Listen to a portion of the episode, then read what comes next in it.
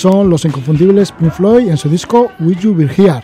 Tenemos con nosotros pues Alberto Vázquez Figueroa, ni más ni menos. Alberto Vázquez Figueroa, que nació en Santa Cruz de Tenerife en el año 1936 y pasa su infancia y adolescencia en África, donde su familia se exilia por motivos políticos. Empezó a escribir en su juventud en el Sáhara, fue periodista y corresponsal de guerra. Como novelista ha publicado más de 60 títulos, también guías de viajes y hasta obras de teatro. Es uno de los autores españoles contemporáneos más leídos en el mundo. Se dice que ha vendido más de 30 millones de libros y ha tenido una vida y tiene una vida llena de aventuras. Alberto Vázquez Figueroa, bienvenido, buenas noches. Buenas noches. Sí, Alberto, pues eso, que naces en esta cruz de Tenerife, pero te tienes que exiliar, te tienes que exiliar al Sáhara Occidental, al Sáhara Español. No, exiliar no, nos echaron, nos deportaron, que es lo mismo. Una cosa es que te exilies y otra cosa es que deportaron nos deportaron eh, a poco de yo nacer, a los pocos meses de yo nacer, pues mi padre era el ingeniero jefe de telégrafo en Tenerife, donde se dio el golpe militar franquista, y como no él, no era fascista, pues inmediatamente lo metieron en la cárcel y él me conoció ya en el puerto cuando nos embarcábamos hacia África. O sea que es distinto. Exiliarte cuando te vas cuando, porque quieres. Bueno, que fuisteis deportados porque fuisteis a lo que era la colonia, ¿no? El Sáhara español. Bueno, primero fuimos a Tetuán, a Marruecos, luego ya por circunstancias familiares mi madre murió y yo me fui con unos tíos míos al, al Sahara. bueno, y viví muchos años en el desierto. Viviste muchos años en el, desierto, la infancia y la adolescencia, y hay que decir que ya que tu madre llevaba, pues no sé si la aventura, pero sí que el mar y todo, ¿no? Porque nació en Isla Lobos, un peñasco deshabitado, que solo tiene 5 kilómetros de largo, que se encuentra entre Fuerteventura y Lanzarote. Sí, ahí solo han nacido dos mujeres, una de ellas es mi madre y bueno, es un sitio donde yo suelo ir mucho, recuerdo de, de ella, incluso los años que viví en Lanzarote, que viví 30 años en Lanzarote, la casa me la hice enfrente justamente para ver por la noche de, mi piscina, ver, ver el faro de, donde había nacido mi madre. Porque tu abuelo era torrero. Torrero, sí, era torrero de faro le encantaba y además nacieron todos mi, mi, madre y, y, todos mis tíos casi todos mis tíos nacieron en faros sin ayuda de ninguna comadrona, ni ningún médico, ni nada. Era mi abuelo el que, el que la, la asistía. Y todos llegaron bien, todos nacieron bien. Murió tu madre en el Sáhara español, tu padre estaba enfermo de tuberculosis, así que te mandan con tus tíos a Cabo Jubí, un fuerte en el Sáhara. sí, un fuerte en el Sáhara, y me crié, un sitio curioso, era un sitio además donde había estado mucho tiempo San Euseperi, eh, el escritor, había estado allí era piloto de los, de los aviones, que, entonces los aviones correo, que entonces iban por todo África. Sí, el autor del Principito. Sí, sí, hacían escala allí y eh, todavía se conserva allí, o se conservaba cuando vivía la casa donde él había vivido. Eh, estuvo mucho, casi un año y pico estuvo allí, de, de, traían la correspondencia desde Europa la, llegaban hasta Caujubi, en Caujubi la cogía y la llevaba luego hacia el sur, hacia Senegal y a Guinea y, y bueno, los tiempos heroicos. ¿Y cómo era tu vida en la infancia y la adolescencia en el Sáhara, que te ha marcado mucho? Ahí empezaste a escribir, bueno, ahí leías muchísimo también. bueno, pues eso fue la, señal de mi vida, que como no podía estudiar el bachillerato, pues me dedicaba a escribir, a leer todo lo que mi tío tenía en la, en la biblioteca y libros de, aventuras, libros de mar, libros de viaje, y yo pues siempre decía, cuando yo pueda, mm, escribiré series como esto, estos escritores que consiguen que un chico que vive solo y que vive en el desierto y que vive en cualquier lugar del mundo pueda hacer volar su imaginación. Y bueno, mamá vivía al lado del mar, con lo cual pasaba el día nadando y eso fue fue bueno, muy bueno para mí.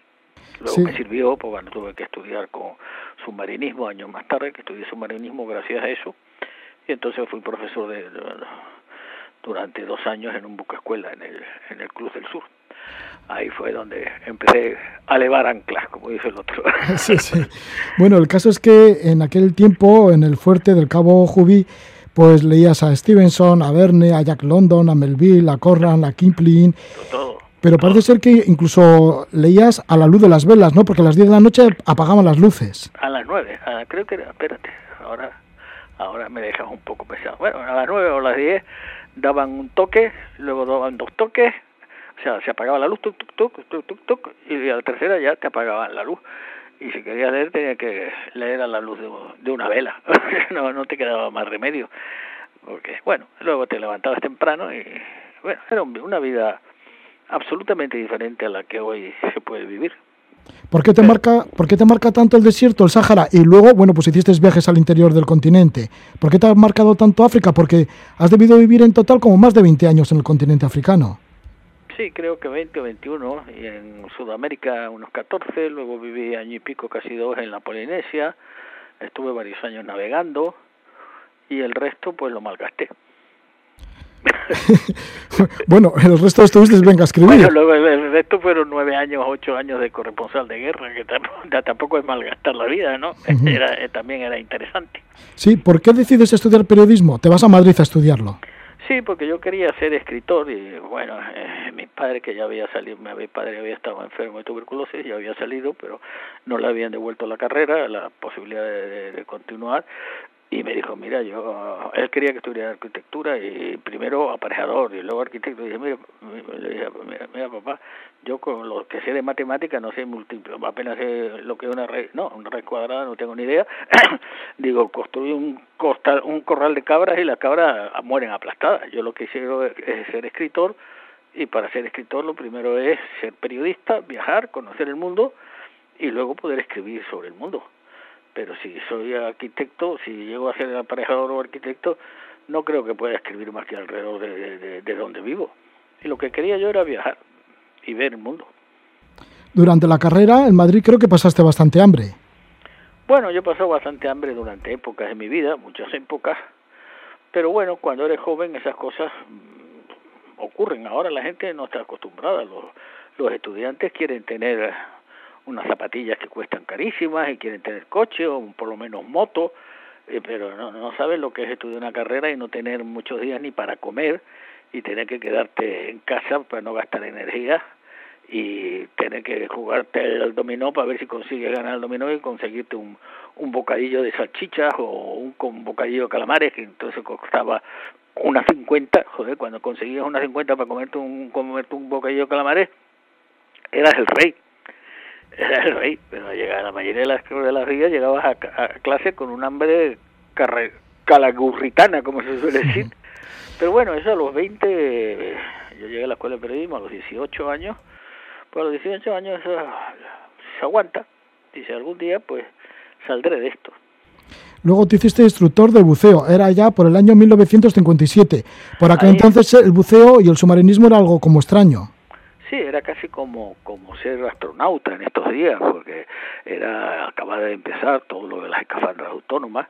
Yo recuerdo que cuando llegábamos en el barco con, con nuestros uniformes y el tribotella aquí, que éramos buceadores y era aquel barco tan bonito, joder, y era cuando empezaban a llegar las, las extranjeras a la Costa Brava y a Mallorca y eso, éramos los reyes del, los reyes de la playa, los reyes de, los, de, del, puerto.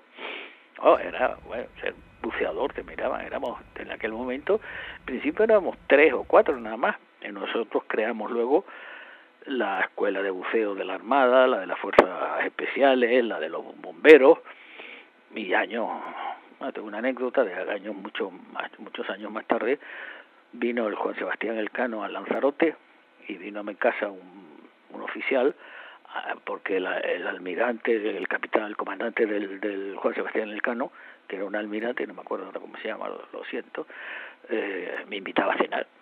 Y yo creí que, bueno, a mí y a mi familia, yo creí que era bueno porque yo era conocido como escritor o lo que sea. Pero cuando llegué, el comandante me dice, ¿tú no te acuerdas de mí? Digo, no. Dice, yo fui alumno tuyo en el Cruz del Sur. y hacía ya de eso, bueno, habría sido alumno mío de teniente y, había llegado a, almirante. ¿Y cómo es que se, se, te ocurrió dar la vuelta al mundo en un velero junto con otros dos compañeros? Uno de ellos pues era alumno tuyo de buceo. Y estamos hablando del año 1960, cuando tan solo tenías 23 años. Pues sí, pues nos pareció, primero nos pareció una idea irnos a, a, a bucear el Mar Rojo, porque en el Mar Rojo sabíamos que había las mantas famosas y había tiburones y había unos fondos preciosos. Y compramos un barco entre los tres, un barco viejo, lo aparejamos, lo arreglamos y nos fuimos con la idea del mar, de irnos al Mar Rojo. Pero ya que estábamos en el Mar Rojo, pues decimos, pues mira, ya que estamos aquí, ¿para qué vamos a volver? Vámonos para adelante y seguimos para adelante y nos fuimos hasta, hasta la Polinesia. Y fue muy divertido. Estuvimos, bueno, también pasamos un hambre horrible, horrible solo comíamos tortuga, pescado, eh, cangrejo, lo que obteníamos del mar, pero no teníamos para, un filete entonces era como como bueno, a veces pescábamos mucho, vendíamos, hacíamos trabajos como buceadores, como teníamos el equipo de buceo y entonces no había nada, nadie conocía en algunos sitios, hacíamos trabajo de buceo y ganábamos algún dinero. Fue una época muy, muy interesante, muy hambrienta, pero muy interesante. Escribiste el libro Bajo Siete Mares, una novela Bajo Siete Mares, en el cual el velero se llamaba Vikingo. ¿Es como el, el real? Sí, sí, el Vikingo, era un barco de 14 metros, pero era un barco maravilloso, que tenía una quilla de hierro, de plomo, era un barco que había sido construido por los años 20, una cosa así, cuando se podía hacer con quilla de plomo, y tenía una maravilla, que el, barco hiciera lo que hiciera, era como un tentempié. Se inclinaba, venía al mar, el viento se inclinaba y al, al segundo volvía a colocarse. O sea, no, no, no, era insumergible, digamos. viejo de madera, pero con una quilla de plomo. La quilla de plomo valía diez veces más de lo que nos había costado el barco. Sí, porque el barco lo encontrasteis casi deshaciéndose en Mallorca, ¿no? Sí, sí, sí. Estaba semi hundido en el puerto de Andrach. Estaba allí, eh, pertenecía a un, había pertenecido a unos ingleses que habían muerto, lo habían dejado allí. Había un, un marino de, de, Puerto Andrach, me acuerdo, el patrón Perdigó, que le había encargado a la familia que si alguien quería comprar aquello, lo, lo, compramos. Nos costó 90 mil pesetas en aquel tiempo. Creo que vendisteis todo lo que teníais, ¿no? Para ir a navegar al Mar Rojo. Sí, sí todo lo que teníamos que era poco. ¿Y, os acompañaba un perro que se llamaba Picaporte? Sí, un perro divertidísimo. Era, era, en homenaje al, al protagonista de La Vuelta al Mundo de 80 días, el, el famoso, ¿cómo se llama? Que luego la película hizo Cantinflas, Passport nosotros le pusimos picaporte en lugar de passport, que en realidad el nombre era passport todo, pero nosotros le, habíamos cambiado el nombre por picaporte. Eh, el perro era muy gracioso. Se quedó en la Polinesia. ¿Y, ¿Y, cómo vivíais al día cuando ibais navegando? Porque claro, os habéis saltado todo el presupuesto, no llevabais nada de presupuesto, o sea que os habéis saltado totalmente. Entonces, ¿cómo hacíais para, para subsistir solo de la pesca? pues uno se tiraba al mar y pescaba lo primero que encontraba y nos lo comíamos. no era difícil.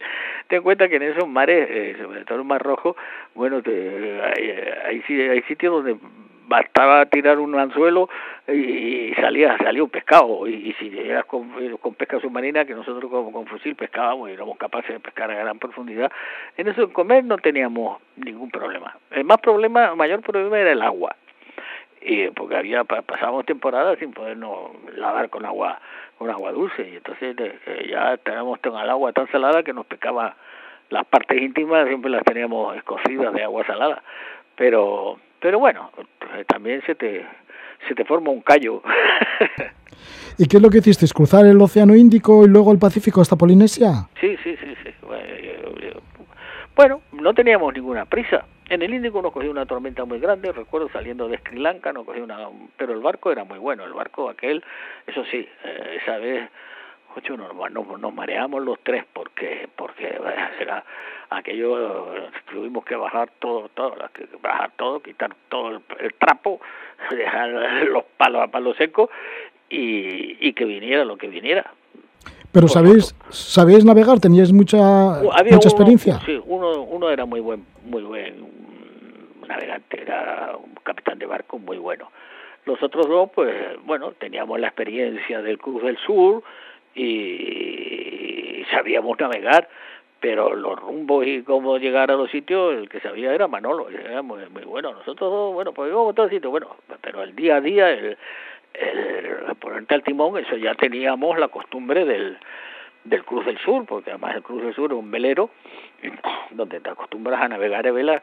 Recuerdo que el capitán del, del Cruz del Sur, el viejo Hernández se llamaba, era un hombre muy marino, muy marino, y en cierta ocasión teníamos que, entrar en el puerto de Tarragona, pero teníamos viento de tierra. Y él, aunque el Cruz del Sur tenía un, un motor auxiliar para casos de, emergencia, él era un marino muy, muy marino y se negaba a entrar en puerto utilizando el, el eso. Y nos tuvo día y medio, día y medio, casi dos días, intentando entrar en el puerto. Entrábamos así, poníamos a la vela y enfilábamos, y cuando estábamos a punto de entrar venía el viento y lo sacaba para afuera otra vez. Volvíamos a ir, y venga otra vez. Y claro, nosotros los profesores ya estábamos acostumbrados, pero los alumnos, algunos de los cuales era la primera vez que estaban en un barco, echaban hasta, hasta el carnet de identidad por la boca. Sí, cuando estabas de instructor de buceo en el Cruz del Sur. El Cruz del Sur, sí. Sí. Y volviendo de nuevo a esa travesía en velero, en el velero vikingo, ¿llegasteis hasta la Polinesia y ahí os quedasteis? ¿Ahí vendisteis el barco? No, allí lo que pasa es que cometimos un error. Dejamos el barco en un, en un atolón, lo dejamos en el centro del atolón tranquilamente y nos fuimos. Había allí un, un volcán muy curioso. Eh, era una montaña donde te metías y te metías en una cueva y cuando llegabas al fondo de la cueva ponías un vaso con agua y se quedaba congelado y metías las manos y se enfriaba. Y es que había una corriente que venía desde abajo que por lo visto abajo había, ¿cómo se llama esto? No me acuerdo, no, un, un gas o lo que sea, que es el que usan las, en las neveras. Y era como, aquello era como una, una inmensa nevera natural. Y estando allí, dejamos el, no nos dimos cuenta, vino un, una marejada y, y se llevó el barco, lo reventó contra las rocas y lo perdimos. Si hubiéramos, luego aprendimos la experiencia, cuando estás en, en la Polinesia y te amenaza temporal y estás en un atolón, el, lo que tienes que hacer es quitarle todo lo que deja el barco y hundirlo, hundirlo dentro del atolón. Fíjese que los atolones siempre tienen poca, poca profundidad, 10, 20 metros máximo.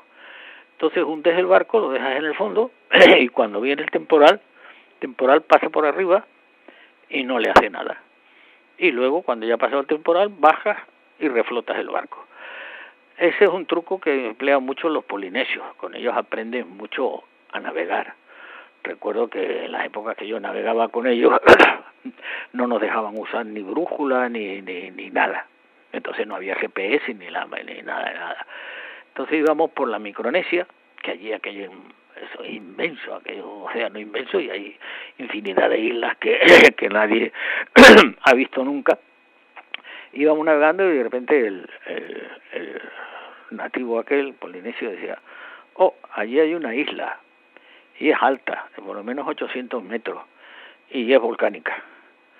Y yo me quedaba mirando y le decía, pero bueno, un momento, allí yo no veo nada no hay nada en el horizonte, ni, ni, ni nos dejaban usar prismáticos, ni nada.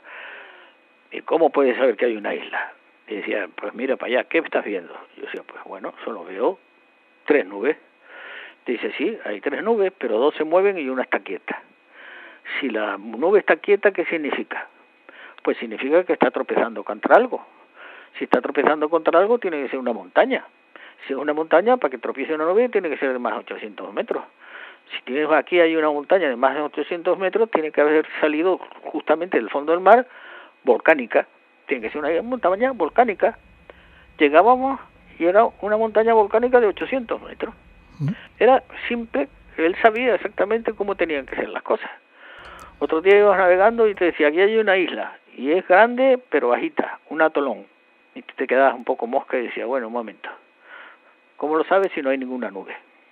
Entonces decía, bueno, ¿de dónde venía el viento esta mañana? Pues el viento venía de popa. ¿Y las olas hacia dónde iban? Pues iban hacia, hacia proa. Dice, bueno, que ahora qué viento? ¿Qué viento hay? Bueno, hay viento. ¿Y de dónde vienen las olas? Pues las olas vienen en dirección contraria. Después eso quiere decir que han ido para allá, han chocado contra algo y están regresando. Ahí hay una isla bajita y amplia. Y te quedabas así. Y había una isla bajita y amplia grande. Y luego te decía, ahí hay una isla. Y decía, ¿por qué? Y pues mira los pájaros, las aves marinas. Entonces te decía, mira, las aves marinas están pescando aquí. Sí. Si las aves marinas están pescando ahí, ¿qué quiere decir? Las aves marinas salen de su, de su nido y, saben, y salen siempre en contra del viento. Van a pescar en contra del viento porque entonces están descansadas y tienen el, el buche vacío. Y vienen y pescan y cuando han llegado al buche y están cansadas, regresan empujadas por el viento, para darle de, comer a sus crías. Luego tienes que ver hacia dónde van, van, irán hacia esa isla. Luego si están allí, quiere decir que tal eh, tal ave, si es un piquero, si es un esto, si es lo otro, sabes a qué distancia más o menos suele pescar de su, de su nido, pues sabes más o menos dónde tiene que estar su nido. Luego si está su nido quiere decir que hay tierra. Esta es la sabiduría de los marinos polinesios. Que navegan sin, se atravesaron todo el océano desde, desde, desde prácticamente Nueva Guinea y llegaron hasta hasta la isla de Pascua. Y muchos dicen que incluso hasta Chile atravesando el mayor de los océanos que es la tercera parte del, del mundo el océano Pacífico pues a puro viviendo en el mar. Y sabían vivían de eso y sabían cada cosa exactamente cómo era, donde había una corriente, un viento, una comida o, lo que fuera. Alberto, pues has aprendido mucho de los marinos de la Polinesia y también habrás aprendido mucho de los nómadas del Sáhara, ¿no? Del desierto. claro, con ellos aprendí todo para escribir eh, Tuareg y todas las novelas que he escrito. Sí, que son famosas, las novelas Tuareg y otras. Sí, pues eso. Yo todo está basado en lo que lo que he vivido y los conocimientos que he aprendido. Por eso nunca escribo de pintura, ni de música, ni de ni de cosas, ni de filosofía, ni de cosas que no sé. Solo he escrito cosas que, que he conocido, que he vivido. Alberto, ¿y cómo navegaste con, con eso, con navegantes polinésicos, con nativos de allí, del Pacífico? Ah, porque era muy interesante y tenías que aprender cosas y, y era lo que había. y además nos gustaba, nos gustaba estar con ellos y aprender las cosas con ellos. Eh, ¿Eso qué fue cuando se, se rompió? Bueno, se, se, cuando os quedaste sin barco, sin el vikingo. Bueno, y luego he vuelto, yo, yo, he vuelto varias veces a la Polinesia, ahora ya no, pues ya estoy, ya no estoy a meterme en un barco y menos en un barco de vela, pero luego volví varias veces. A mí me gusta mucho. Sí, ¿qué sucedió cuando os quedaste sin barco en la Polinesia? Pues vinieron unos americanos, pues estuvimos en la isla, pidimos ayuda y nos vinieron unos, unos americanos y nos devolvieron a dos, pues el otro se quedó allí, se casó allí, se quedó allí y murió allí. Y los otros dos nos vinimos nos, como náufragos, cuando tienen una de esas, la, los tienen obligación de devolverte. Es un tratado internacional, cuando ningún náufrago, pues nosotros no nos consideraron náufragos y éramos náufragos, no teníamos nada, que, nada encima, nada, y, nos volvimos. Entonces, bueno, llegué aquí a Madrid, volví y pensé que que realmente no me apetecía, a pesar de que había terminado ya la escuela de periodismo, no me apetecía meterme en una redacción de un periódico a trabajar. Y bueno, en, los años 61 o así, que comenzaba la, la independencia de los países africanos, me parecía muy interesante, se estaban independizando de, de Inglaterra y de Francia y todas esas cosas, y decidí pues me voy a ver qué pasa por allí. Y cogí el poco dinero que tenía, que me habían dado por el seguro del barco y cosas de esas, y me compré un billete y me fui a, a Nigeria, a Lagos. Y estuve una temporada viviendo por allí, por Nigeria, Camerún, Gabón, toda África Central, y escribiendo o sea, cosas así. Bueno, por allí pasé y terminé un poco de cazador profesional, pero poco tiempo, y luego volví con todo ese material, se lo ofrecí a una revista de Barcelona, se llamaba Destino, tuvieron éxito, los reportajes eran unos reportajes con mis propias fotografías, una de las cosas que me ha ayudado a mí, mucho ha sido ser mi propio fotógrafo y escritor al mismo tiempo, lo cual ahorraba siempre un, un, un sueldo y unos gastos. Entonces eso tuvo éxito, la revista esta Destino me contrató como corresponsal viajero, empecé a viajar por ellos para todo el mundo y al cabo de cuatro o cinco años me contrató la Vanguardia de Barcelona como corresponsal, primero corresponsal de, de Río de Janeiro y luego después de la guerra de la República Dominicana, que estuve allí varios meses, en esa guerra que fue mi, mi segunda guerra, pues ya me contrataron de corresponsal, de enviado especial. Tuve varios años de, especial, de enviado especial, de corresponsal de guerra, y luego a los años, acabo unos cuantos años, en el 66 más o menos, pasé a televisión española, también para los programas enviado especial, a toda plana, eh, los reporteros. Estamos con Alberto Vázquez Figueroa, que nos ha recordado pues esos principios que ha tenido en el mundo de los viajes y las aventuras, desde que de niño y adolescente vivió en lo que por aquel entonces era el Sáhara español, hasta que comenzó a estudiar periodismo, que pasó bastante hambre en Madrid mientras estudiaba, y luego, bueno, como instructor de buceo allá por el año 1957, y cuando a los 23 años, entre 1960 y 1961, pues navegó con un velero, el Vikingo, que lo encontraron así como casi hundido en Mallorca, bueno, pues lo rescataron y navegaron hasta el Mar Rojo y luego del Mar Rojo por el Índico, por el Pacífico hasta Polinesia en donde allí naufragaron. Son 80 años de historia, hay muchas cosas que contar. Sí, son muchas. Claro, ya me gustaría que en otra ocasión pudiéramos seguir contando esas historias, porque con el tiempo seguiste buceando, estuviste con una relación con Jazz Cousteau, tuviste un grave accidente también de inmersión de submarinismo. Sí, me quedé sordo de un oído, sigo siendo sordo de oído totalmente. El izquierdo no digo nada. Sí,